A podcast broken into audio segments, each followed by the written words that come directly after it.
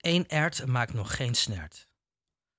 De enige reden dat deze column één ert maakt nog geen snert heet, is omdat ik het prachtige, rake berbegezegde eens genoemd wil hebben.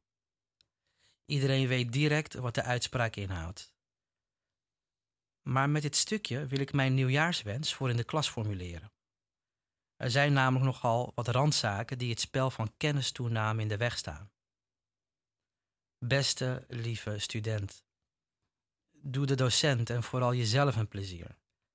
En zet voor de werkgroep begint je telefoon op vliegtuigmodus. Je gaat namelijk op reis, een ontdekkingsreis. Tijdens de les is er altijd een pauze en dan kun je je vingers weer aan de Insta, WhatsApp en swipe zetten. Maar ga niet gedurende het moment van wijzer worden op je telefoon zitten. Ook jij weet dat op die momenten de telefoon niet je beste vriend is, maar een duivel is die je dom houdt. Dus zet de telefoon op vliegtuigstand en leg hem niet op de hoek van je tafel, want dan crash je voornemen. Je telefoon wegstoppen heeft nog een voordeel. Je kunt geen foto's maken. Selfies in de klas zijn niet nodig. En kiekjes schieten van de PowerPoint-presentatie is vervelend. Foto's maken van de PowerPoint creëert het beeld van een luie student. En ik vind het ongemakkelijk om ongevraagd op foto's te staan.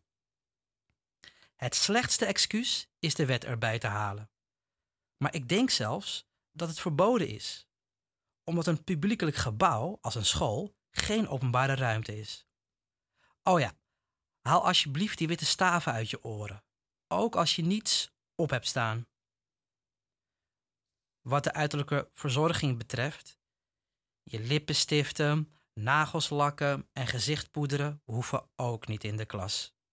Spuit nooit deodorant of parfum, omdat een lokaal een afgesloten ruimte is waar de geur uit je fles of bus de ander op de keel slaat. Misschien kun je je het niet voorstellen, maar de ander kan jouw duurbetaalde geur als stankoverlast ervaren. Neem ook geen wimperkruller mee naar school, want het is echt doodeng als jij die tang in je oog steekt.